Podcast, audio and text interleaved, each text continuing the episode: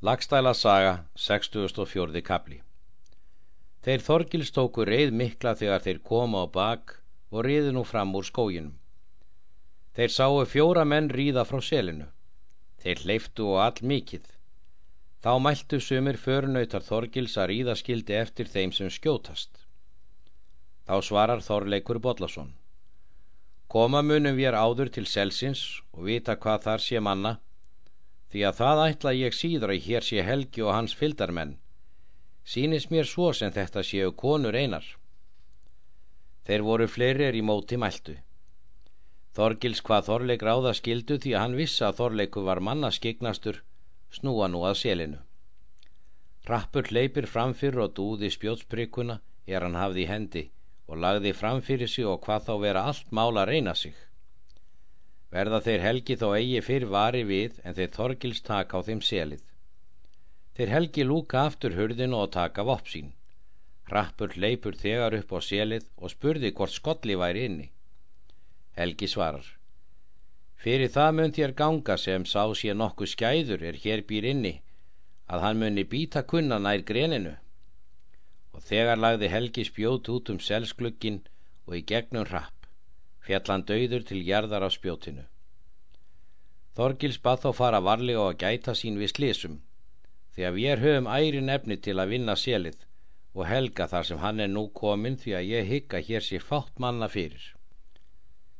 Selið var gert um einn ás og lág hann á gaplöðum og stóðu út af ásendarnir og var einart þaka húsinu og ekki gróið. Þá mælti Þorgils að menn skildu gangað ásendunum og treysta svo fast að brotnaði eða ella gangi af inn raftarnir en sumir skildu geima dýrana ef þeir leituð út. Fimm voru þeir helgi inn í selinu. Harbeit són hans var þar, hann var tólvetra gamal og smalamaður hans og tveir menn aðrir er þar sumar höfðu komið til hans og voru sikir. Hétt annar Þorgils en annar Eyjólfur. Þorsteit Svarti stóð fyrir selstýrónum og Sveit Són Daláls en þeir aðri förnöytar rifa af ræfrið af selinu og höfðu þeir þar skipt liði til. Tók annan ásenda hungbói hinn sterki og þeir ármóð sínir, en þeir Þorgils og Lambi annan ásenda og þeir sínir Guðrunar. Treysta þeir nú fast á ásin og brotnaði hann í sundur í miðju. Og í þessi svipan lagði Harbeitn út atgeri úr selinu þar sem hurðin var brotin. Lægið kom í stálhúi Þorstein svarta svo að í enninu namn staðar var það mjög mikill áverki. Þá mælti Þorsteit það er satt var að þar voru menn fyrir. Því næst hljóp Helgi út um dyrnar svo djarlega að þeir hrukku fyrir er næstir voru. Þorgils var þá nær statur og hjó eftir honum með sverði og kom á aukslina og var það mikill áverki. Helgi snýrist þá í mótu og hafði hendi viðaröksi. Helgi mælti. En skal þessi en gamli þóra sjá í mót vopnum og flegði auksinni að þorgísli og kom auksin á fótónum og var það mikið sár. Og er Bodli sá þetta þá hleypur hann að Helga og hafði hendi fótbít og lagði í gegnum Helga.